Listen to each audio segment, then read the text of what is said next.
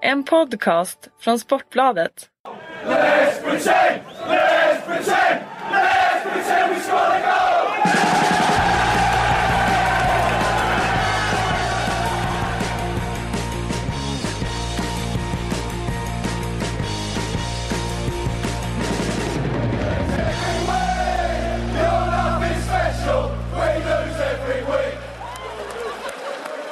Då är det tisdag och vi hälsar välkomna till Sportbladets Premier League-podd. Här ska vi eh, som vanligt då summera helgen, titta framåt, titta eh, kanske över en lite större eh, tid än så också. Eh, jag är ganska förkyld, jag eh, ber om ursäkt för det på förhand att jag kanske sitter här och låter lite täppt. Eh, Kalle Karlsson hade som uppgift på vägen in till redaktionen att köpa en nässpray till mig. Och, och jag misslyckades, köpte fel med nässpray. Ja du köpte en, eh, en nässpray mot rinnsnuva vilket är bara delvis det jag har. Den hj- hjälpte ingenting. Skit, varför gör man en sån jävla produkt?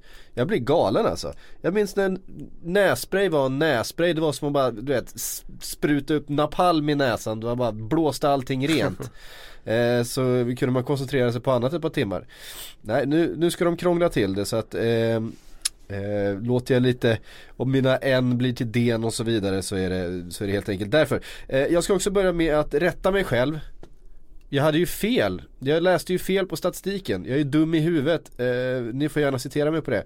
Eh, det är ju Pogba som är den äldsta eh, Drogba? Eh, Pogba, Drogba. Jag kan inte ens läsa, du ser. Drogba, han var ju 31. Eh, 2010, 32 var han ju till och med när jag tittar här. Alltså jag får ingenting rätt så jag ska bara lämna det här ämnet. Eh, född 78, 2010, han är född i mars så då måste han rimligtvis ha varit 32 2010 när han vann skytteligan. Eh, så där har vi det. Eh, det är några som har hört av sig. Då går vi vidare tycker jag. Vad tar du med dig från helgen? Bara spontant. första, första tanken om jag bara liksom Ja, slänger det, ut den. är, det är nog eh, Liverpools sätt att blåsa bort Tottenham såklart som man fastnar på. Sen eh, nummer två är väl ändå Burnley och deras otroliga hemmaspel. Ja. Får man ändå säga. Ja. Ehm, jag vet inte om det har varit så. Ska vi börja med Burnley? Och sen så, Ja, kommer, vi vi in, göra. så kommer vi in på Liverpool Tottenham om en liten stund. Kan vi För att, eh, det är fantastiskt faktiskt hur, hur de lyckas nere på Turf Moor. Ja. Eh, det är verkligen inte, jag kommer ihåg alltså eh, i början på säsongen och, Burnley som alltid när de är uppe i Premier League är ju ganska uträknade, de har ju väldigt små resurser och ehm, och sådär va, men eh, jag minns när Liverpool åkte dit och fick stryk med 2-0 Eh, Man trodde då att det var liksom en, en en anomalitet att ett, en stor klubb skulle åka dit eh, och åka på stryk. Men så har det verkligen inte varit. Nej. De har ju varit nästan oslagbara på hemmaplan. Jag vet inte hur många poäng de har tappat där. Nej det är inte så många. Eh, de, jag vet inte exakt heller men eh, skill- Alltså tappa och tappa, men alltså en poäng mot, eh, mot eh, suveräna serieledaren känner inte jag att man har tappat två. Då, då, då vill jag nog se det som att man har vunnit en. Men alltså poäng som man, eh, som man borde ha tagit, som man inte har tagit, det har inte varit många i alla fall. Nej, de har ju tagit sina poäng på hemmaplan så att eh, det, det är så det har sett ut. Och det är inte så förvånande heller kanske. Det, det har väl alltid egentligen varit så att Burnley har varit rätt hemmastarka. Liten tight plan. Eh, de kan spela sitt eh, kompakta eh, försvarsspel där de jobbar väldigt hårt för varann. Sen när de kommer till lite borta gräs och lite större ytor då Ja, Får har de inte, sett täcka riktigt, lite- har inte sett riktigt lika stabilt täcka ut på lite fler metrar. Nej, då, då är de, De har ju...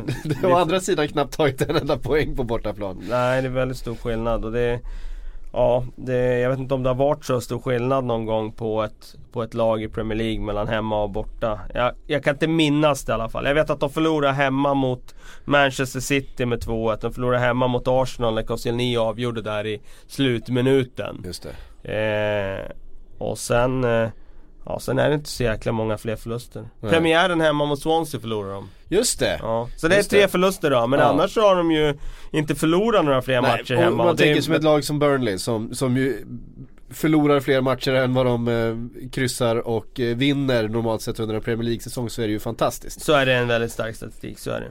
Ehm, Och det, vi, vi har ju tjatat om den psy- psykologiska aspekten eh, ganska mycket här. Men det är, ger ju även någonting. Alltså när ett lag som Chelsea kommer dit och tar ledningen så tidigt. Nästan alla lag i hela den här ligan knäcks ju utav det. Men Burnley känner ju ändå att de på något sätt är med i matchen just på hemmaplan. För att de, de känner sig starka där helt enkelt. Nu är det ju en fantastisk frispark.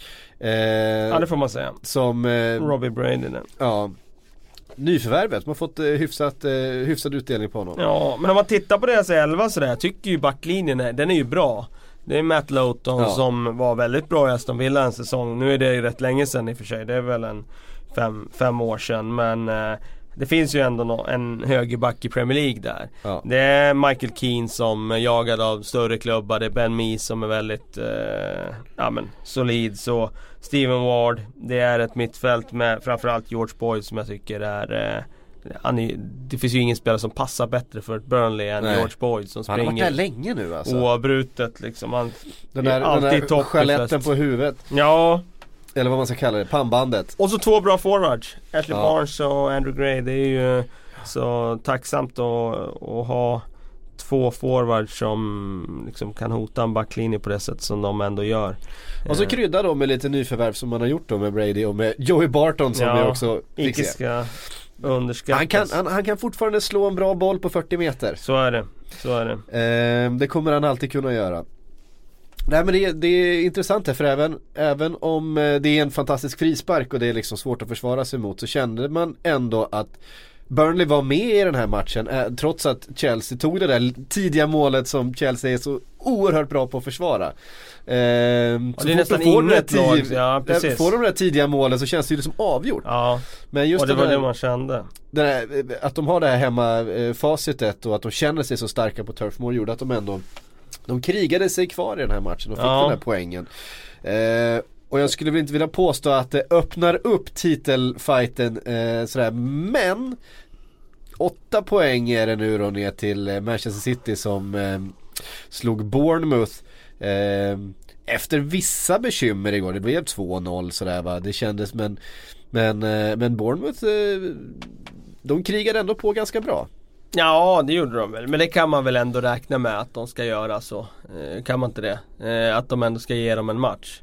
Jo men eh, alltså man tycker ändå att ett Manchester City Med det de har och ett Bournemouth som får en Wilshire skadad ganska tidigt eh, Som är lite eh, halt efter att ha tappat Nathan Akea till exempel eh, Har sett ganska skakigt ut senaste tiden Jag tycker ändå att de, de, de hotade City ganska eh, På ganska många håll hade ett, ett ett mål bortdömt av Joshua King som jag tyckte var ganska tveksamt. Det var den där tröjdragningen. Ah, jag tycker det var frispark faktiskt. Jag måste, försvara, jag måste försvara John Stones där. Jag tycker att det är solklar frispark. Han driver i honom och eh, det ska vara frispark. Alltså, man får väl ta i varandra. Ja, ja, ja, jag kan hålla med om det. Jag varit lite besviken. När... Hade du resonerat samma sak om någon hade rivit i Ragnar Klavan? Nej, kanske inte. Ehm, men så var det i alla fall. Ehm, och Chelsea tappar ändå förvånansvärt två poäng i i den här matchen. Och eh, har några sådana där topp 6 matcher kvar som man ska ta sig igenom. Det är inte helt avgjort i alla fall. Eh, och det, det tackar vi för även om det förstås är en stor, stor, stor, jag skulle säga att 95% eh, ger jag chansen att vinna Premier League till Chelsea i det här Ja, är det. läget. Det blir intressant med Chelsea, det, det är ju det fysgurun Raymond Verheyen. Mm. Hans profetia är ju att Chelsea kommer tappa i slutet av den här säsongen. Men är han, är han verkligen en sån guru fortfarande för Ja. Ja, men det är han. Har inte han lite grann? eh, Nej, tvärtom skulle jag säga. Att han blir mer och mer guru när det handlar rent om fysdelen inom fotboll. Där får han mer och mer status. Och, eh, om man förut viftades bort som en liksom, rättshaverist och sådär så hans liksom böcker och hans teorier och så får ju mer och mer fäste. Nu har ju Svenska Fotbollförbundet, de har ju anammat hans eh, Så det är ju det som lärs ut nu. Det är ju hans periodiseringsmodell. Det är inte hans från början ska jag säga. Det kommer ju från Portugal de här tankarna från början. Det är andra som har tänkt och han har plockat inspiration därifrån och gjort sin egen modell då. Men med det sagt, han förutspår ju här att Chelsea ska tappa eh, ju längre säsongen lider utifrån hur Conte har matchat laget. Mm. Och eh, ja, Nej, det har ju inte roterat speciellt mycket. nej det har han inte gjort. Och det, eh, vi får se. Vi får se. Å andra sidan inget Europaspel. Så att det är inte samma påfrestning på, på hans eh, mannar som det är på till exempel Manchester Citys eller Väldigt intressant Arsenals. möte här nu med när Paul Clement kommer tillbaka till Stamford Bridge i nästa ligaomgång. Det är ju då inte förrän den 25 februari i och för sig. Nej, just det är ju FA-cupen är däremellan. Men eh, nästa ligaomgång då kommer Paul Clement tillbaka till eh, Stamford Bridge med ett väldigt formstarkt eh, formstarkt Swansea. Ja, eh, vi ska, vi ska titta lite närmare på, på Swansea om en stund när vi går igenom bottenstriden. Swansea som vi har räknat ut i ett eh, par, vid ett par tillfällen Ett par tidigare vändor, under, ja. eh, under säsongen. Men det, det är ju sådär med den här bottenstriden att det, det är en seger gör så mycket. Det, Så är det. De tar inte så många poäng liksom sådär. Så att tar man ett par treor eh, i rad så känns det ofta som man har lite luft neråt. Som Swansea har gjort nu då. Eh, det var Burnley-Chelsea det. Liverpool-Tottenham eh, nämnde vi tidigt. Och eh, ja, det var ju ett helt annat Liverpool än vad vi har sett eh, i början på det här året. Eh, Ja, utan tvekan. man säga. Jag tyckte man, man fick ändå några tendenser, alltså det har ju alltid varit så under Klopp att, eh, och- och det är ju så Klopp spelar att det, han får mer effekt mot de bättre lagen som ställer lite högre upp, som, Ja. som vågar lite mer, som har lite mer eget spel sådär, då funkar Klopps eh, taktik bättre. Vi såg det ju mot Chelsea som var en helt okej match. Eh, även under den här liksom svaga perioden i januari. Ehm, men mot eh, Tottenham fick han ju verkligen utdelning på alla växlar. Ja och så blir det ju, precis. Och jag menar så blir det ju sådär. Tottenham vana kanske Dyer och plocka ner en sån där boll ostört. Och klara av det mot sämre lag. Och när Liverpool möter sämre lag. Då gör inte de det. Då Nej. skickar de iväg den där bollen. Och då får de inte den där bollvinsten. Och då får de inte ställa om på det där sättet som de gjorde nu. Så att eh, Tottenham spelar Liverpool i händerna. Och eh, det skulle sägas att det var några i Tottenham som eh, verkligen dök djupt i sina prestationer. Ja, vi har fått en fråga, jag tycker bara vi, kan, vi kan bara riva av den medan vi är inne på den för jag har fått från Niklas Holmqvist. Skulle Ben Davis ta en startplats i Vasalund Kalle? Eh, nej det skulle han inte göra. Vi har en väldigt bra vänsterback så jag hade inte... Inte om han, inte om han agerade som är- han gjorde mot, mot Liverpool Det hade blivit läktaren i hans fall. Eh, han hade det väldigt tungt. Moussa Dembélé eh, och eh, Wanyama var ju eh, alltså pinsamt svaga i den här matchen. Framförallt Wanyama. Jag vet inte riktigt vad han sysslar med. Eh, Det känns ändå som, jag, jag hade jag hade känslan när man tittat på Tottenham senaste tiden att Wanyama har tagit kliv som just eh, passningsspelare, att han deltar mer i kombinationsspel högre upp i banan och sådär. Han, han är inte bara den här bollvinnaren och liksom musklerna centralt utan har även kunnat bidra mer i det övriga spelet. Eh, så ju mer säsongen har, har lidit men i den här matchen så, så hade de ju gjort bättre i att han aldrig hade haft bo- bollen vid fötterna. Kändes som att han slog bort mer passningar än vad han satt. Ja, det var ju verkligen en sån här komma ner på jorden match för han. För han har fått så mycket hyllningar Wanyama och jag tror att för den här insatsen då hade det varit många som hade lanserat han till årets lag och sådär. Men eh, Ja. nu känns det som att det här underströk ändå att han har sina begränsningar som fotbollsspelare. Att så mycket enkla passningar som han slog bort den här matchen det får man inte göra om man ska kallas klassspelare. Sen tar det inte ifrån att han har gjort en väldigt bra säsong. Och Nej. att han har varit en väldigt bra köp för Tottenham. Men med det sagt då, nog om Tottenham. Liverpool eh, hittar ju tillbaka till det här som eh, gjorde dem i höstas till, som jag ser det, det mest sevärda laget i ligan. När de var som bäst i, i höstas där. Den här farten på Mané, den här kreativiteten på några fötter i den där kvartetten där framme. Eh, och så när de är på det där humöret då, då, då är det svårt att handska för vilket lag som helst i ligan. Problemet för deras del är ju det där med att eh, Känslan är, min känsla är att det kommer att vara så här med Liverpool. Att det är höga toppar och sen är det djupa dalar när det där försvaret bara fullständigt havererar emellanåt. Ja. Och det finns inte den där tryggheten som gör att När jag tittar på Liverpool idag så går de in i en match, jag är inte säker i någon match på att de ska vinna. Det kan vara Swansea hemma, jag är inte säker. Eh, Chelsea, det var en helt annan eh, trygghet. Jag skulle säga Man- Manchester United nu också med sin tyngd, med sin eh, Ja Ändå den tryggheten som de har i försvaret, den målvakten de har. Så är det också en annan trygghet i det laget. Eh, och den saknar jag i Liverpool och det är det som är deras problem. För högsta nivån i den där offensiven den, eh, den tangerar den högsta nivån på vilket lag som helst i ligan. Inklusive Manchester City tycker jag. Mm. Eh, nej men det är just det där när, när och det ska ju sägas så, vi, vi, vi, vi hackar på Wanyama och, och Dembélé. Eh, Liverpool gör det ju väldigt svårt för dem. Alltså en, en Roberto Firmino som löper på det viset ner och ger understöd till sitt mittfält i pressen där. Det blir väldigt små ytor och det blir väldigt, väldigt lite tid för, för någon att, att spela en boll på. Om man in, vill man inte tjonga den så ja, då får man eh, plocka fram något lite speciellt ur påsen för att eh, behålla den här bollen. De är ofta, de är ofta liksom fyra mot en eh, på ett par sekunder och det, eh, ja, där det stämmer. Vad, Pochettino då? Vi har ju hyllat honom väldigt mycket att han ofta får sina matchplaner väldigt rätt, att han eh, läser motståndet, läser motståndartränaren. Var han naiv här tycker du med den där höga backlinjen till exempel? Det har vi ju sett Alltså man, man vet att man ska möta en Mané som kanske är ligans snabbaste spelare. Eh, och inte minst eh, snabbaste spelare med, med boll sådär just i de omställningslägena.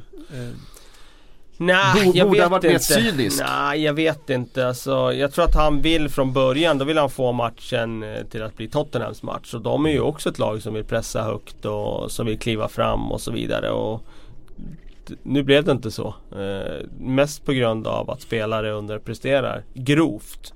Och ja, jag, jag, kan inte säga att... Jag tycker det var mer spelarna som gick helt snett där ute på planen och gjorde eh, hårresande misstag. Än att det var Pochettino som gick helt snett i sin matchplan. Eh, jag tror att hade de utfört den bättre, vilket de oftast gör. Då hade de kunnat stått emot på ett helt annat sätt. Mm. Um... Hade, jag menar man kan vända på det. Skulle Tottenham kommit dit och spela fembackslinje och parkera i eget straffområde. Hade det varit Tottenham? Och därifrån Hade de löst det överhuvudtaget? De är inte vana att spela så. De kanske inte har inte materialet alltså, för det heller det är, liksom. att, det är det jag menar. Jag kommer till det återigen. Att det är så lätt med facit i hand och sitta och säga Ja. efteråt att ja, men det var fel eller det var si eller det var så. Men eh, om någon hade gjort det på förhand då? Hade folk tyckt att ja, men det här är rätt sätt att attackera den här matchen? Jag tror fansen hade tyckt, nej men vad fan vi är ju Tottenham, vi ligger två i tabellen, vi slåss om eh, ligatiteln. Varför ska vi åka hit och parkera bussen för? Nej. Nej. Ehm, absolut. Ehm, Liverpool då med i det där. Tillbaks på något sätt igen. Eh, med lite mer självförtroende då. De ska möta eh, Leicester borta om eh, två veckor. Eh, det som framförallt tror jag gynnar dem är ju att de får vila i två veckor. De har sett ganska tröttkörda ut Ja. inför den här matchen. De fick är en vecka nu inför den här och då såg man ju ändå skillnad i löpmeter och hur, vilket tryck det var i sprintarna eh, i pressen. Sen är väl Leicester ställa upp på ett lite annat sätt än vad Tottenham gjorde. Ja, där, där får vi ett lag som kommer att sitta lågt och sådär. Och det, det blir intressant att se för det har inte ens det har ju räckt för Leicester. Men vi kommer att komma in på dem Vi, lite mer ska, sen. vi, vi kommer in på dem. Eh, jag tänkte vi skulle bara ta oss vidare förbi eh, Arsenal Hall och den där handsituationen på Alexis Sanchez. Ja, Eh, vad säger du? Ska det godkännas? nej jag tycker inte det ska godkännas. Det är för, klock, det är för solklar hand så han har för mycket hjälp av handen. Den är för långt ifrån kroppen. Han sträcker ändå upp den. Sen visst Ja. det är kort avstånd och så vidare men Nej jag tycker inte det ska vara. Sen är det samtidigt Det är lätt att stå och peka finger mot linjedomaren när man kör slow motion efteråt och han står med bra vinkel. Men när det går sådär snabbt på det där avståndet Det är inte så jäkla lätt heller att bara slå fast att ja, den tog på handen just. Det är klart om man pausar bilderna så, så Ja, ser ja, ju visst. alla att, att den Ja. tar på handen. Men när det väl sker så Om den tar på handen eller om den tar på hakspetsen liksom. Det är ganska svårt att, Ja, att, att se. ja absolut. Men det, det finns Så. de som har argumenterat för att det inte ska vara Nej jag tycker nog att det var, jag tycker nog att det var Jag tycker också det. Ja, äh, någonstans liksom, när slås bollen in i mål med hjälp av handen, liksom oavsett vad du har för intention eller hur bollen Det är en sak om den nuddar en hand, att den är på väg in och byter lite, men alltså som den är nu att det är Han slår in den. Den- han slår en in volleyboll-smash. Ja men precis. Eh, då, då ska det ju aldrig kunna godkännas. En volleybollblock kanske man ska säga. Ja men någonting sånt. Ja.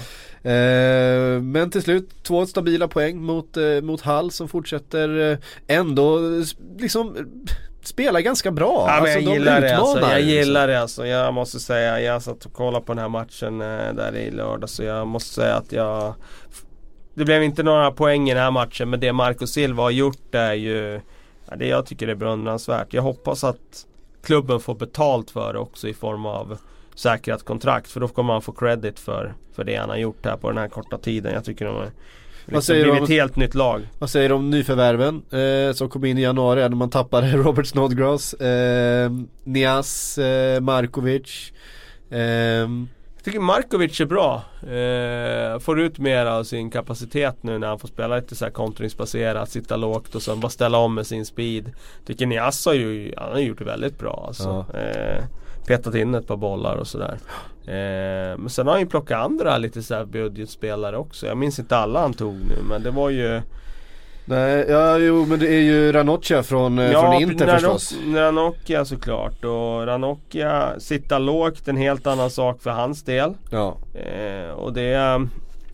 Eh, nej men det... De har ju varit oerhört tunna där. Hall spelade ju med han 17-åringen som jag inte eh, ens kommer ihåg vad han heter. Eh, för några veckor sedan. När eh, Ranocchia blev inbytt då Josh sin, Timmon. Just det. Mm. Eh, och det är klart att det håller ju inte att spela med Med 17-åringar i backlinjen. Eh, Om man ska nej, säkra är ett tufft. Premier Nej det är League-kontrakt. tufft. Eh, Sen tog de han Evandro, brasilianaren där från Porto. Det var ingen spelare jag hade koll på på det sättet. Eh, men eh, plockade han ju i princip från bänken i Porto. Han har ju Ja. ändå gjort starter, han har gjort mål eh, i FA-cupen där. Så nej, det känns som att de gjorde ett bra januarifönster och det Ja, har ju verkligen. förbättrat deras chanser. Men framförallt är det ju Marco Silvas sätt att Ja. organisera upp deras lag. Känns som de har lite självförtroende också. Ehm, om ni märker nu så nu har jag inte annonserat men nu är vi inne på bottenstriden här. Vi, Ja, vi- vi börjar, smög in där. Vi smög in. Vi börjar med Hall. Ehm, som ju ligger på 20 poäng just nu och ligger på den där ehm, vad blir det, 18 platsen. Ja. Eh, vi kan väl bara säga det.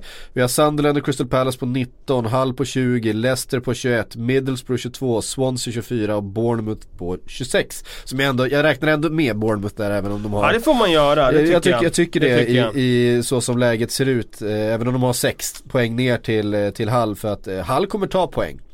Eh, Hull kommer liksom inte eh, vika ner sig så lätt Nej i, det sjuka i det är ju Burnley egentligen. Att de har liksom tagit segrar så de har tagit sig ur Ja. bottenstriden. Så att de just nu inte är i bottenstriden. Nej, det jag de tror det inte. här blir en säsong också där det kommer inte krävas så många poäng för att säkra kontraktet som det brukar göra. Om man tittar på topp 6 så tar ju de väldigt mycket poäng. Det Och brukar, det det inte brukar mycket- krävas eh, Ja men någonstans 38 där Ja. liksom. Där brukar man ju säga Det kommer ju inte krävas Nej. eh, den här säsongen, Nej. inte i närheten. och, Eh, jag skulle tro att det räcker med 30 poäng. Ja det kan vara så. Mm. Det kan vara så. Det är trots allt bara 13 matcher kvar. Men det är 13 Ja. matcher kvar och du har Ja inte du riktigt kanske. 17 plats på 21 Lite mer poäng än 30. nu. Ja, Lite mer än 30. Lite Säg mer än 30. 33 då. eh, någonstans där. Eh, Hall var vi inne på, haft ett bra, gjort ett bra fönster, eh, Ja. fått tillbaks eh, lite fart i laget. Eh, vi kan väl börja uppifrån och Bournemouth har inte haft riktigt samma utveckling. Eh, blev, blev av med sina viktigaste, eller med sin viktigaste spelare i, kanske, eh, i Nathan Ake som hämtades hem till Chelsea. Försökte köpa loss honom, misslyckades med det och igår kväll mot Manchester City så klev Jack Wilshere, lånet från Arsenal, ut skadad och det är oklart hur länge han blir borta men han eh, såg eh, oerhört besviken ut. Han Ja. kände att det var någonting som gick sönder. Ja. Jag har inte sett någon rapport om vad det är, han ska väl säkert scannas och sådär men det är en kille som vet hur det känns när, när kroppen går sönder och man såg på hans reaktion. Han, han tittade knappt åt Eddie Howe när han gick ner i, i eh, spelartunneln. Och, ja. Eh, det, var, det var tydliga signaler på att någonting gick sönder där och, och, och vi kanske får räkna bort honom för större delen av eh, den återstående säsongen här, det vet vi inte. Året börjar ju tungt för Bournemouth med att tappa den där ledningen mot Arsenal. Det var i och för sig en bonuspoäng hemma mot Arsenal men Ja. de tappar ju ledningen där sent. Eh, 3-3 matchen. Eh, de har ju faktiskt inte vunnit en match under 2017. Senaste segern var alltså den 31 december mot eh, Swansea på bortaplan. Så att eh, ja, det är lite samma feeling som det är med, med Liverpool här innan matchen mot Tottenham här. Att eh, 2017 har börjat väldigt, väldigt tungt. Och Mm. de behöver ta sig ur det här. De behöver göra det illa kvickt. Nu är de två borta matcher. West Bromwich borta, Manchester United borta. Så att det är ganska tufft eh, Tufft program för dem. De kommer in i en period i, i april där de har Southampton borta, Liverpool borta, Chelsea hemma, Tottenham borta. Det blir inte många poäng där. Nej det blir inte det. Ehm, Så att eh, Bournemouth nu kommer de har ju inte det där spel, alltså de har ju inte den där grundtryggheten, alltså den där du vet, defensiven att liksom luta sig på som, som vissa andra. Man skulle kunna tänka sig att ett Crystal Palace får ihop det där försvaret, ah, det kanske de det, det känns ju inte riktigt som troligt nu, vi kommer ju komma in på dem ändå. Men det känns som att där finns spelare som skulle kunna, eh, ja men du vet täppa till, eh, se till att det är så rasigt inte fortsätter, börja ta lite kryss och få tillbaka någon slags eh, tro på det här inför eh, slutet. Det känns som att Bournemouth just nu befinner sig i fritt fall. Eh, och får se ifall Eddie Howe med sin, sin filosofi och sin, eh, sitt spelande Bournemouth kan eh, komma tillbaks in i det här. För att eh, de har ju sex poäng ner just nu. Ja, de, kommer, de kommer behöva de sex poängen. Eh, Det kommer de behöva. Eh, sista omgången, håll i er. Leicester Bournemouth. Ja, Tänk om det står och det skulle, Hänger kunna, där. det skulle kunna vara så man faktiskt. vet aldrig. Eh, nästa lag då på 15 plats, Swansea är just nu på 24, 24 plats. Swansea som såg så hopplösa ut eh, när Paul Clement kom in. Ja, det får man ju säga att de gjorde. Ja, det fanns ju inte ett rätt i det där laget. De tappade in hur mycket som helst. Eh, och ingenting. Sen har de fått in Martin Olsson, Ja, målskytten. ja, Eh, han blundade och sköt. ja. Han ska ju ta den Det kan räcka. Räcka ibland. Men eh, det var fint. Fantastisk kombination som leder fram till det Ja det är det målet. verkligen. Det är den man får hylla. Gilfi, eh, nej Gilvi till och med. Gilvi. Gilvi Sigurdsson. Eh, är ju en, är en skicklig mittfältare. Det, Alltså sen går Alfie Måsson in och gör två mål på tre matcher här nu. Mittbacken som jag dömde ut tidigare i höstas som en av de sämre i ligan. Och det var ju där och då. det, alltså, det står jag för som, att han var. som försvarare så tycker Ja. jag nog fortfarande att han är det. Men det är klart att hänger man ett par baljer så, Ja, det- så, så växer ju eh, betyget. Helhetsintrycket, Ja, absolut. ja. Ja, men så är det ju. Och ehm, ja, det, det är ju också imponerande. Det är en annan coachinsats som, som vi kommer att kunna hylla här framme i vår. För oavsett vad som händer med Swansea så har ju Paul Clement kommit in och fått en effekt. Och det är det viktigaste Och det skulle vara väldigt- menar 0-4 mot Arsenal där, det såg hopplöst ut efter Ja, den matchen. Ett Arsenal som inte ens var bra. Nej. Eh, men jag menar nu tre, tre, tre segrar på fyra matcher. Ja. Och Eh, däremellan har vi det där avgörande för City på bortaplan. Eh, med Jesus i sista Ja, sekunden exakt. där. Så det här är riktigt imponerande. Och jag tycker att det skulle bli intressant om Swansea nu hänger kvar och har liksom lite positiv känsla inför det. Men Paul Clement med sina kontakter i fotbollseuropa och sina eh, sina trådar ut i de liksom större klubbarna med de stora människorna. Vilken, vilken typ av spelare han skulle kunna få Ah, in det till. där tror jag inte ett dugg på. Jag tror inte han Du tror inte på det? Nej det tror jag inte. Jag tror inte han får dit några kanoner. Nej, alltså inga kanoner men, men han har ju inte bara kanoner men, men även ute i akademierna runt omkring som han har sett, som han har följt och som han uppenbart Ja, känner. Möjligen men ja, ja, ja. Nej, jag, det, jag tror inte det lockar så mycket liksom Swansea, Paul Clement så att han skulle få eh, Det blir nog ungefär samma typ av spelare de har fått tidigare tror jag. Modou Barrow typ. Eller Mishu. Eller Michu. Eh, Vad gör Michu en, en tisdag som denna? Det skulle man vilja veta. Han spelar division 4 fotboll nere i, Spanien? nere i Spanien någonstans ja, va? jag skulle tro det. Eh, det är väl det han gör. Jävla märklig, märklig karriär alltså. Ja det får man säga. Han Eh, dansade en säsong. fan vad bra han var då. Ja, Helt otroligt.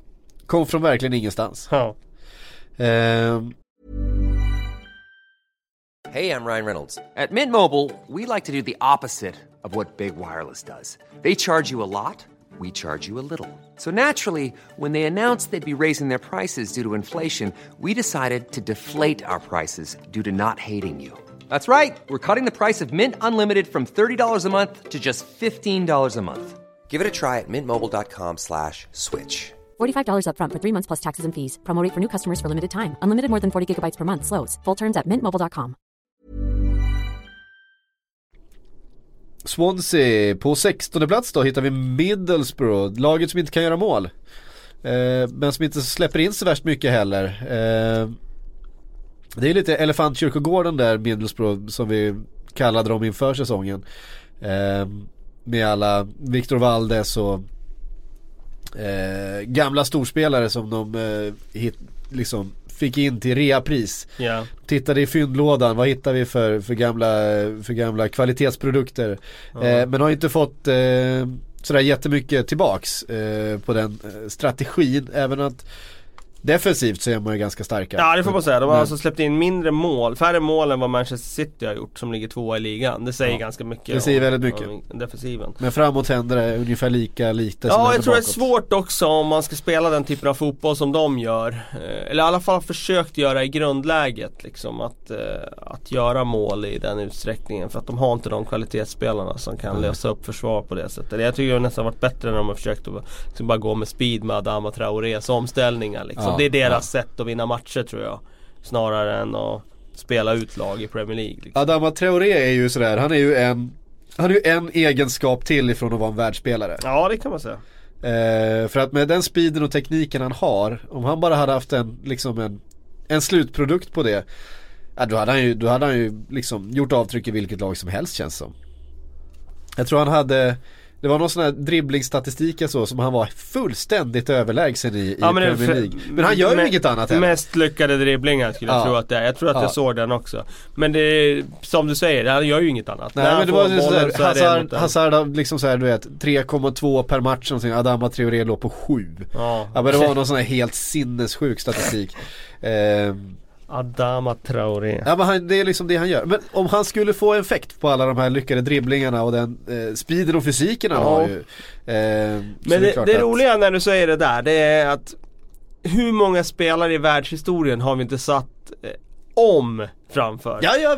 Om han hade gjort det, om han hade haft spelförståelse, om han hade haft fysik, om han hade varit si, om han hade varit så. Det finns ju alltid ett om egentligen när det gäller alla spelare. Ja. Och Om, det- om Adel Tarabt bara hade haft ett annat huvud. ja men typ så. Ja. Och det gäller ganska många som Det sagt. gäller ganska många spelare, absolut. Så absolut. Att, eh, Eh, men ändå, han är, han är, han är speciell, eh, Traoré. Eh, han är rolig att titta Jo på. men det är han ju, alltså han har ju sån extrem snabbhet så det är klart att han sticker ut på det sättet. Eh, och, eh, men där Middlesbrough känns ändå, tycker jag, de är två poäng ner bara då på 22 poäng. Eh, de har ändå en defensiv stabilitet som gör att jag Jag tror inte att de kommer vara ett av de där tre lagen som åker ur. Eh, det finns andra som har det lite kämpigare. Vi kommer ner på plats 17 då, Leicester. Regerande mästaren. Ja. Eh, Claudio Ranieri som, Man har knappt eh, fattat det än att de vann ligan i fjol. Nej jag, vet- det, jag vet när det ska sjunka in alltså. Nej. Men eh, regerande mästaren Leicester, Claudio Ranieri blev eh, Fick uttalat stödet av ägarna eh, för, för eh, fortsättningen här. Eh, och jag tycker ändå att någonstans att Ska han ha det igen. Ja Eh, vad fan han vann ligan med dem förra Jo, året. sen De, ska och man de har tagit sig vidare från gruppen i Champions League. Eh, gick i stort sett rent ur den gruppen. Visserligen ingen svår grupp men Ja men menar det här äventyret som man har tagit med Leicester på Han ska de, inte de, få sparken de, de kommer och så aldrig få uppleva någonting Nej. annat igen och de, kom, de, de kommer inte kunna bygga vidare speciellt mycket på det här. De kommer ta sig ett litet steg upp i Ja men du vet det är så här. Ja men det är fyra steg fram och tre tillbaks liksom. Det, det är lite så som förra säsongen kommer vara för dem. För att det är klart att nu har de fått in liksom pengar på ett sätt som de inte haft tidigare. De har kunnat värva lite spelare på ett sätt som, om jag tänker på en Slimani, en Mm. spelartyp som de inte hade kunnat värva tidigare. Ja. Ehm, Nej men så är det ju. Men man ska också komma ihåg att Leicester är ju inte en klubb som sparkar tränare. Nigel Pearson satt ju hur lös som helst för två år sedan. Ja. Men han fick vara kvar och han fick vara kvar och han fick vara kvar och han räddade dem kvar. Ja. Och det tror jag de där ägarna eh, har med sig liksom i bakhuvudet här liksom att det funkade ju då med att visa förtroende och det tror jag man kommer göra här också. Eh, det som däremot jag känner är ju att det här känns som ett, som ett lag och en grupp som skulle behöva en ny röst in. För jag tror inte att det eh, blir lätt för Ranieri att vända den här skutan. Det känns som att Ja, det, det, det, det är nog svårt när det har gått så extremt bra under ett år. Ja. Och sen hamnar man i det här fritt fall-läget. Jag har ju sagt flera gånger den här säsongen, ja, men de kommer komma in i en period när de börjar vinna matcher igen. Och då kommer de att, eh, ja då kommer de att liksom säkra kontraktet på det. Ja. Men, de har nu är vi inne i liksom Ja, precis. eh, inte mitten av februari och nu har de inte kommit in i den perioden någon gång. Och det, ja, det, jag, jag väntar Och nu ska de fortfarande på kombinera det här, du vet den här bottenstriden med liksom Champions League och här saker Ja som precis, och det ja vad ska jag säga, det tror jag väl inte att det blir något Vilka har de i Champions League? Det har jag inte ens skrivit upp, jag har inte koll på det. Vilka fick De de i möter lottningen? väl, eh, nu ska vi se här, det borde jag veta. De möter ju, var det Sevilla? Ja, Sevilla. Sevilla. Och Sevilla borta va? Ja, ehm, alltså det är, det är ju sådär att Leicester är ju ett lag som skulle kunna ta sig vidare från den Ja det kan eh, de från, göra. från det dubbelmötet. Ja, kan de göra. Ehm, det finns ju ändå, det Det finns ju ändå om- spelare där. Fatta den här grejen. Vinna ligan, nästa säsong vinner du Champions League men åker ur. Ja, det exakt. Ja, kommer exakt. aldrig ske Nej, det kommer mer under vår livstid. Nej.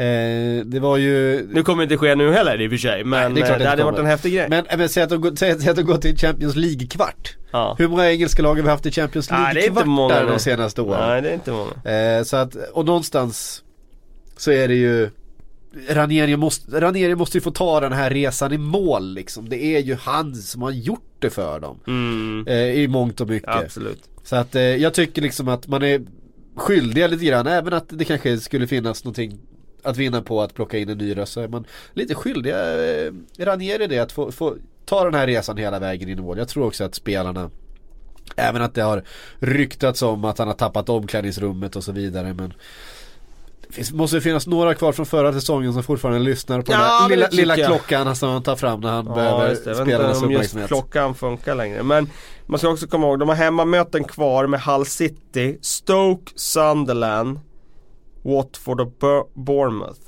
Det är ändå eh, lag som jag tror liksom, inte för att det säger så mycket just nu när de är i fritt fall, men det är ändå ganska många lag där de har liksom chans att plocka poäng mot alltså. Ja. Jag tror att de löser det till slut, jag tror det. Ja. Eh, Hall var vi inne på då på 18 plats, en poäng bakom på 20. Crystal Palace. Som ju tog till eh, frikortet som man brukar eh, säga och rekryterade Sam Allardyce för att eh, säkra nytt kontrakt. Eh, det har ju inte riktigt fått effekt kan man säga. Eh, Crystal Palace ser ju helt hopplösa ut. Ja det gör de. Och det är lite förvånande för Big Sam brukar ju alltid få till ett vägvinnande enkelt rakt spel. Och så tar man sina poäng. Det blir inte liksom någon eh, eh titel på det men det blir det blir eh, tillräckligt bra organisation för att man ska liksom få ut det bästa av några pjäser i laget och så brukar det räcka och så är det lite långa inkast och man skapar tryck och sådär. Men Nej, det, det känns väldigt ihåligt. Eh, väldigt, väldigt tunt framåt måste jag säga. Ja. Eh, Benteke, hur många mål har han gjort den här Han säsongen? har ändå gjort typ 9-10 mål tror jag. Ska kolla upp det bara för det. Han har gjort nio har han gjort. Ja, Så det är ändå okej. ja. Det är det. Alltså man säger så här, han, det var vad Mané hade gjort eh, inför, förra, inför Tottenham-matchen liksom. Eh, nu har de inte samma roll i och för sig. inte, visserligen inte men, men vi har hyllat honom och liksom han är bästa målskytten där om man jämför med Ja. Men hur många mål gjorde han förra år- säsongen, Benteke? Eh, Eh, förra säsongen gjorde han, det kan jag svara på. Vi gjorde något liknande va? Fast han inte fick spela så mycket. Nio. Så, Eh, sådär, så att eh, Men jag menar det är klart att han bränner ju oerhört eh, mycket målchanser.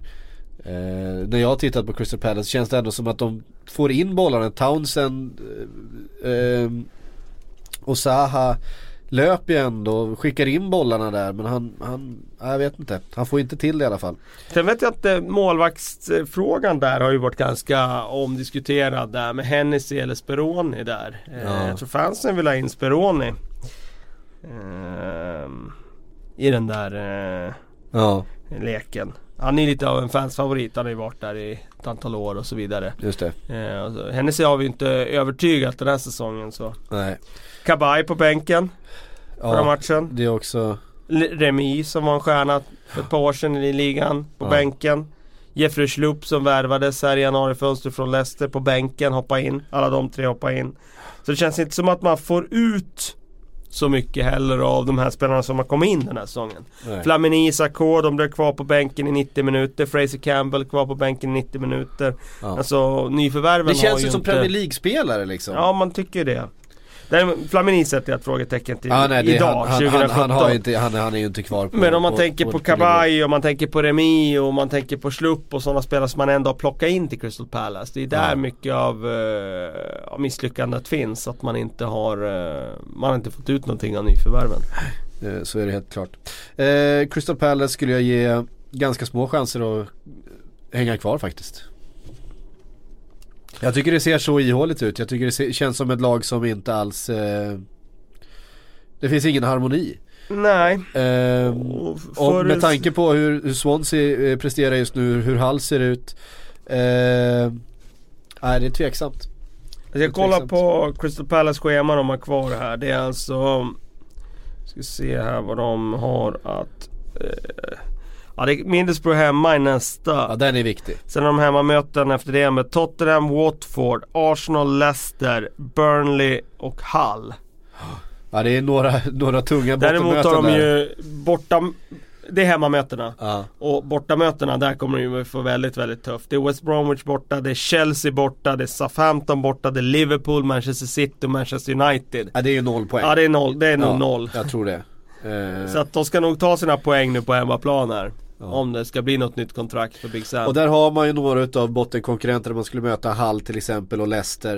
Eh, Det Burnley. måste, Burnley, men just Hull och Leicester som kommer vara eh, som man kommer slåss om de här platserna. Jo, det är ju precis, sexpoängsmatcher här. Absolut. Så man måste vinna dem tror jag. Det, är, det kommer inte räcka att kryssa dem. Det kan ju också vara tacksamt att ha ett lag som Burnley tre omgångar från slutet som kanske är på Precis. lite säker mark då. Ja. Då tror jag man tar en sån match. Ja precis och Burnley på bortaplan är ju, det har ju inte varit eh, riktigt samma sak som eh, hemma. Och så sist då, eh, på samma poäng med betydligt sämre målskillnad, eh, Sunderland på 19 poäng också då, 20 plats. Eh, David Moyes som eh, vart, vad, vad, vad, vad, har man, vad har vi David Moyes eh, 2017? Ja, alltså jag har ju honom eh, ungefär på samma sätt som jag hade efter, en, efter att han fått sparken i Manchester United. Ganska långt ner. Ja. Jag tycker inte att han är en eh, fantastisk tränare. Jag tycker att han är en okej tränare för ett lag med lite mindre resurser och så vidare. Men i det här fallet så kommer han ju till ett Sunderland som Alltså, det få, är ju få, ett- få hade kunnat Det är ju ett trasigt rädda. lag han kommer Väldigt till. trasigt lag och väldigt dåligt material. Det hade varit intressant att se om Marco Silva hade gått till eh, Sunderland och David Moyes hade tagit över Hall. Hur hade det sett ut då? Ja. Det vet vi inte. Får vi Det, aldrig vet- veta. det får vi aldrig veta men man, man får ju lite känslan av att eh, eh, det hade sett annorlunda ut. Ja. Eh, helt klart. Och det, det finns ju ändå i Sunderland en, en formstark Jermaine Defoe. Eh, som brukar ju räcka liksom en viss bit i alla fall men Å andra sidan så ska han ha leverans utav Spelare som kanske har sett sina bättre dagar i den här ligan. Eh, Ja men senaste matchen var ju inte, den var ju smärtsam att se när de tappar på det sättet de gör 0-4 När Long Ja. springer in den här målen i slutminuten så Ja. sitter det 10 pers på eh, kortsidan bakom målet Alla Ja. andra har gått hem redan alla de har gått hem ja. Men de har gett upp liksom Och det Ja, det var ju en överkörning och det var ju verkligen alltså en, ja. Ja det var det var tungt verkligen. Man såg Ja, David, jag- David Moyes min där på, på bänken, han sitter och skakar på huvudet när fyran eh, liksom bara Ja men det är ju ingen som är där och försvarar. Nej. Alltså eh, Jason Denier, vad är, det, vad är det för försvarare egentligen? Nej jag vet inte Jag tycker inte att, jag, alltså jag, Men man får också titta på inte bara försvarsspelet så utan även offensivt. Jag menar de jagar eh, underläge eh, från eh, 30 minuter och framåt i den här matchen. De har ett avslut på mål på Ja. 90 minuter. ja, Eh, det är inte tillräckligt på bra. hemmaplan. På hemmaplan. Mot Nej. Southampton som inte är liksom något fantastiskt lag. Nej. Eh, Nej, de räcker vi ska, inte vi till. ska, vi ska ju nämna en eh, Sebastian Larsson till exempel som inte haft någon vidare säsong. Eh, Var skadad stor, stor del och så Ja. kom tillbaka där men eh, Det är inte Det är inte lätt det, det, för det ska han inte hänga ut honom på något sätt. Nej, det är inget lätt finns, läge att komma det, tillbaka det, i. finns ju, det finns ju Det är ju ett lag som inte fungerar helt enkelt just nu. Och som, det. som saknar för, my, för, för mycket. Eh, och så värvar man in Jolian Lescott som man i, ingen förstår vad de ska ha till.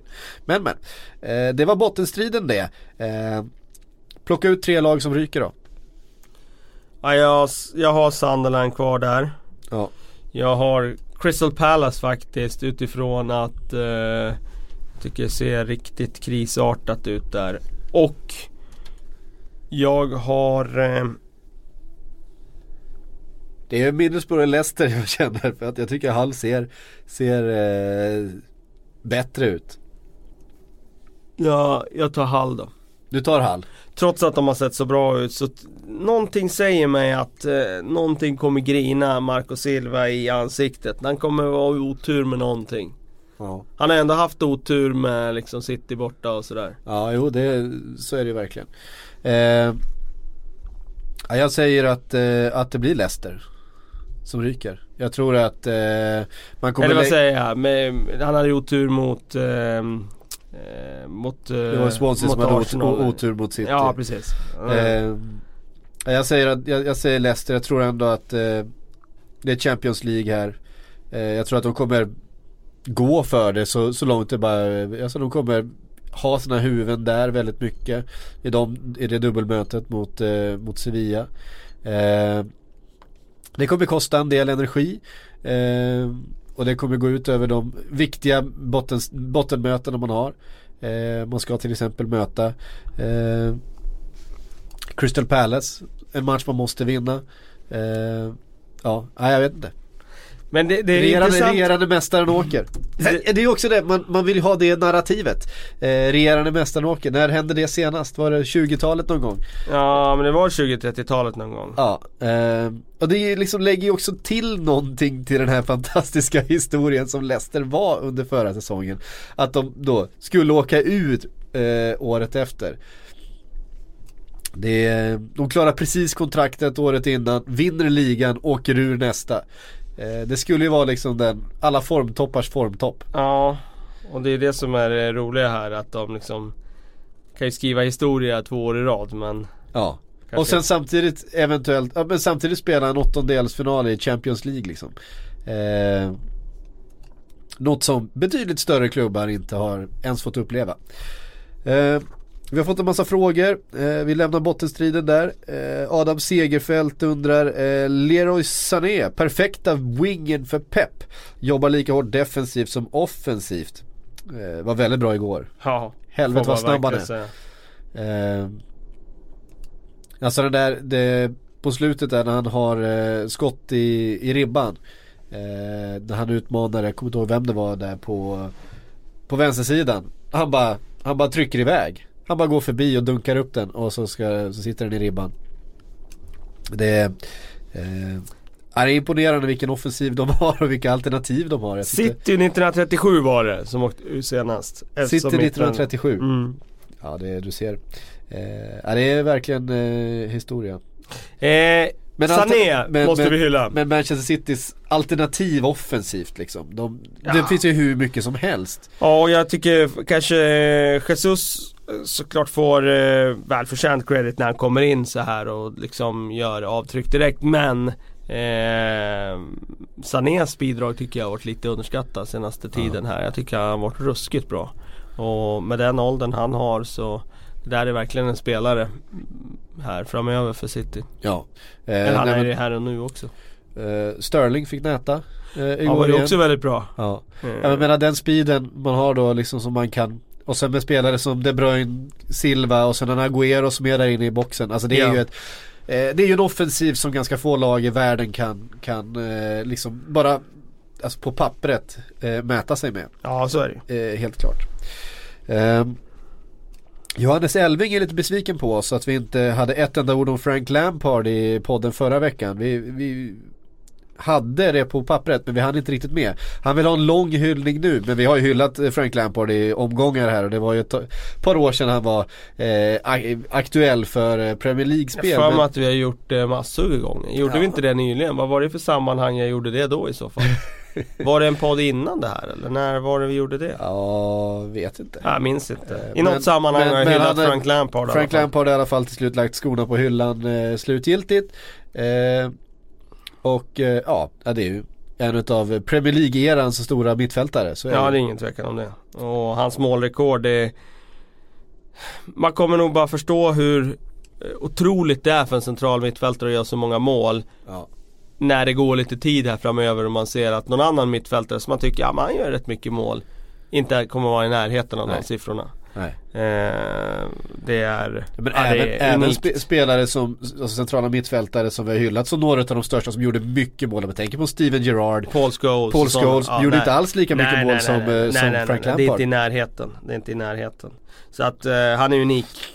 Ja, eh, jävla tillslag alltså. Mm. På så många sätt och den där löpningen, läsa anfallet, läsa spelet och komma på den där andra vågen. Men också hans inställning alltså när eh, City var, ett, eller vad säger jag, när Chelsea var ett eh, liksom defensivt lag under José Mourinho skulle möta Barcelona. Då var han den som tog på blåstället och tog Ja. kriget också och glidtackla och smällde på och sprang och så vidare. Han kunde göra väldigt mycket. Han spelade yttermittfältare ibland i landslaget. Jag tycker han var jättebra som yttermittfältare i de landskamperna man såg då Ja. också. Så han hade ju väldigt många egenskaper.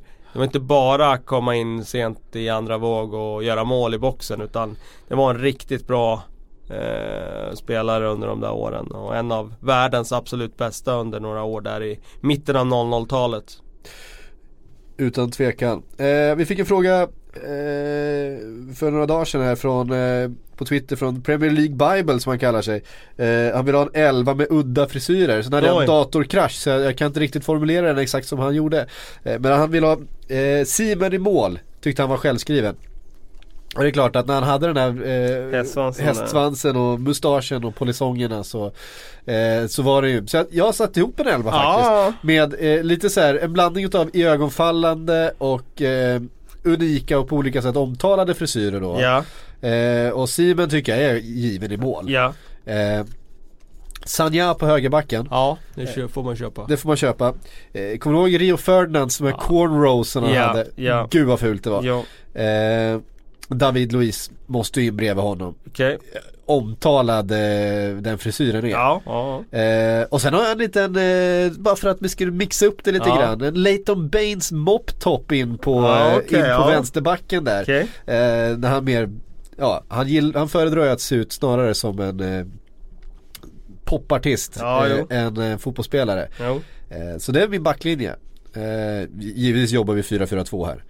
Eh, Ja. höger, eh, höger ytter då. Eh, eller yttermittfältare. Vi får väl eh, kasta runt dem. Jag har eh, Gervinho. Ja. Den där gardinerna alltså, de, de är inte granna. Centralt eh, mittfält då med Pogba och Fellaini. Ja, eh, okej. två spelare som eh, Ja, med hårfagra. Ja precis, som skulle ju kunna bilda ett innermittfält idag i Manchester United. Eh, har väl gjort vid tillfälle kanske Ja, också det har de nog gjort. eh, under säsongen. Och sen på andra kanten då, Chris Waddle, kommer du ihåg den där hockeyfrillan? Absolut, Alltså? jag minns mycket väl Chris Waddle. Han skickade ju upp straffen i VM 90 där mot eh, Tyskland när de åker ur. Den bollen landar väl ute i medelhavet ungefär. Nu någon gång. Ja, ungefär. Alltså, det var, det var, han, sköt, han tog allt vad han pallade och sköt över. Bodo Ilgner la sig ganska tidigt men bollen, jag vet inte den... Han hade ju en sån fantastisk hockeyfrilla alltså. Ja den var, den var fin. den var Det otrolig. var en fantastisk fotbollsspelare också. Ja det var det. Hoddle och Waddle, det var ju liksom eh, i Tottenham där på 80-talet. Eh, Gibril Cissé måste ju in i en sån här elva eh, i anfallet. Ja, det Alltså framförallt den där gröna konstiga tuppkammen det. han hade ett tag. Eh, la ju skorna på hyllan också härom, eh, häromdagen. Just det. Skulle koncentrera sig på sin DJ-karriär nu. Han, Han ju, känns som en typisk DJ alltså. Nej men han är ju, han är ju ganska framgångsrik som Ja. DJ och turnerat runt med stora världsartister som eh, producent och DJ. Så Ja. att, eh, det är det han eh, pysslar med nu för tiden. Ja, men han, känns så, han kändes som en DJ redan när han var fotbollsspelare. Ja, liksom. men det var ju lite mer yta än vad det var innehåll liksom. jo. Eh, sådär. På tal om straffar, har du sett hans straff när han spelade nere i Grekland? där? Det var väl Olympiakos han spelade för. Det är en av de bästa straffarna man har sett i hela sitt liv. Han, han kliver fram, jag vet inte, han, han bryr sig antagligen inte så jättemycket. Det är full vrist, allt han orkar. Spikrakt upp i krysset. Okej. Det, det, det är liksom den mest otagbara straffen man någonsin har sett. Det, det, är helt sinnessjukt varför man väljer att göra så. Det Men är coolt att göra det tycker jag. det är coolt att göra. Det, det, när- go, googla, googla Jibril Cissé penalty. Det är, den, det är den bästa straffen som någonsin har slagits. jag. Jag gillar, på tal om straffar, nu blir det nu Sverige här, men jag gillar ju när min eh, all time favorite, Xavi, eh, VM 2002 Eh, de åker väl ut då Spanien mot Sydkorea på straffar om jag inte minns. Men just det här är att lägga upp bollen Och sen ta ganska kort ansats sådär. Men liksom No fuss. Bara, jag siktar mot det där krysset. Jag kommer curla den i det där krysset. Ja, och du Där. kommer inte kunna nå den Nej, och liksom. du kommer inte kunna nå den. Det Nej. spelar ingen roll om jag visar att jag kommer, jag kommer curla den där. Ja. Ja, då gör jag det också. Ja, precis. Och så sitter den där också. Exakt. Den gillar jag. Nej men alltså som målvakt, jag menar Från det avståndet, en boll som går i krysset, du får ju stå vid stolpen om du ska ha en chans Nej, att ta nej, den. det går ju inte Så att ta det går ju inte att ta. Eh, och sista, eller sista i min eh, hårfagra elva här då, Balotelli. Han har också bjudit på några frisyrer. Ja. Jag tänkte, jag, jag, försökte, jag ville hitta någon forward där. Jag var inne lite grann på Marwan Shamak. Just det. Mycket märklig frisyr. Eh, Abel Xavier, du fick inte in han. Alltså jag, jag var så här, jo, men det är klart att Abel Xavier eh, stack ut otroligt mycket med det där blonderade skägget och stora bland, blonderade tuppkams eh, afrot. Eh, jag tänkte, jag hade med Cissé som hade lite liknande Ja, style. Jag försökte blanda upp det men så blev det Balotelli. Jag tror du skulle få in någon riktigt välkammad brittisk skolpojke i den här elvan liksom, som helt eh, gick emot. Eh, Ja men vem skulle det vara då? Nej men en sån här riktigt tråkfrilla. Det är väl en tråkfrilla. Eh, vi, vi har ju ett uttalande, Steven Gerrard fick ju frågan om att han haft samma frisyr Ja i, men det, ja exakt. Gerard hade du kunnat ha haft. Att han haft samma Exakt. frisyr i alla år liksom. Ja. så, I'm not one to mess about with me Barnett. så han svarade. Han var inte sådär jätteintresserad av frisyrer. Nej. Den fick liksom vara som den var. eh, ja men den är väl bra då. Om vi Ja. vill eh, ha en helt eh, icke iögonfallande frisyr. Eh, men där har ni. Skicka gärna eh, fler frisyrer om ni hittar dem. Eh, har du någon som du skulle vilja peta in? Nej. Det var väl en ganska, det var en ganska hyfsad elva Ja jag. men det tycker jag. Nej men det är väl Xavier där om man vill ha ännu mer swag i elvan. Ännu mer galenskap. ja. Eh, fler frågor. Eh, Command You Gunners undrar, har Wilshire någon framtid i Arsenal? Nej det tusan om man har inte det, alltså. Nu gick han tusan. sönder igen där. Vi får se Ja. hur länge han blir borta den här säsongen. Det är klart att han har gjort det bra i Bournemouth. Ja. Med, med de förutsättningarna och i, i, eh, i det laget. Men, men har han gjort det så bra? Hade det varit en annan spelare hade Arsenal eh, supporterna suttit och tänkt att oh den där spelaren i Bournemouth som har presterat på den här nivån, det är någonting för oss. Det tror jag ju inte. Även att han gjort det bra i Bournemouth, men har han gjort det så pass bra att han skulle Nej, det liksom tycker jag in, inte. in och ta en central mittfältsplats Nej, i... det i- tycker jag inte. Det är för att han är Jack the Lad och Ja, Arsenal precis. through and through. Eh, André Johannesson undrar, har Bravo gjort sin sista match på ett tag? Ja det borde han ju rimligen ha gjort. Caballero att kom det- in och gör det bra. Ja, med tanke på att det har blivit en klar förbättring så utgår jag från att han får nöta bänk nu ett tag. Eh, och man kan ju aldrig veta med Pep för man vet aldrig vad som försiggår sig där innanför järnbalken men eh, det känns ju som att eh, Caballero har ettan nu i alla fall. Ja. Eh, Thomas Nygren undrar, med, med Lukas insats från helgen i minne, var ju väldigt bra mot, eh, mot Tottenham. Vilka är era favorithackkycklingar i Premier League? ja, Lukas var ju en sanslös hackkyckling. Jag har en Ja. polare som är eh, inbiten Liverpool-fan. Inte riktigt lika mycket som dig men hans favoritsyssla för 7-8 år sedan det var ju att hacka på Lukas. Alltså det fanns Ja. ingen som kunde hacka mer på Lukas. Vad som än hände så var allting var Lukas fel. Ja, jag minns, jag minns den tiden. Ja. Alltså det var ju så hårt. Alltså, han kommer in som typ 20-åring. Talang från Brasilien, eh, ska ta ett plats i det där centrala mittfältet som då befinner sig på en annan nivå än vad Liverpool gör idag. Ja, ska liksom vara med och utmana i Champions League, ska liksom försöka ta den där ligatiteln och så vidare. Och, och klarar inte riktigt av tempot. Han är lite för ung, han har lite liksom, ja men han, han löser inte riktigt. Och han får liksom bära hela hundhuvudet för att Liverpool på något sätt som har börjat sin resa neråt därifrån efter, efter eh, Champions League-finalen 2007 eh, och får ta så mycket utav den skiten. Ja, det... Reser sig ju och kommer tillbaks och, Ja, och blir en väldigt med- viktig fig- Ja, och figur väldigt uppskattad där ett Ja. tag också. Eh, har ju gjort nu sina tio säsonger och ska väl ha sin testimonial eh, efter säsongen här. Ja, nej men den har Det skulle jag, jag skulle inte underskatta det som anledning till varför han valde att inte lämna för, för Inter Kan vara så. i januari för att, jag menar att få sin testimonial i Liverpool, en klubb han har tillhört hela sin nästan sen, liksom. seniorkarriär. Eh, som han känner väldigt starkt för liksom. Han är ju, eh, har ju gått från att vara den här hackkycklingen till att bli en fansfavorit och han är, jag tror han har väldigt starka, starka band till, till klubben. Eh, efter tio år. Ja. Så att eh, Ja, mer hackkycklingar, jag skulle säga att Fellaini Fellaini är en är ju klassisk en hackkyckling just nu. eh, sanslös fack- hackkyckling med viss, eh, med viss eh, mått av rätt också. För Men att vi han- måste ändå ge Fellaini att det han gör och det han faktiskt har gjort för Manchester United, inte minst under andra halvan utav det vi har spelat. När han har kommit in, de har ju fått effekt på det.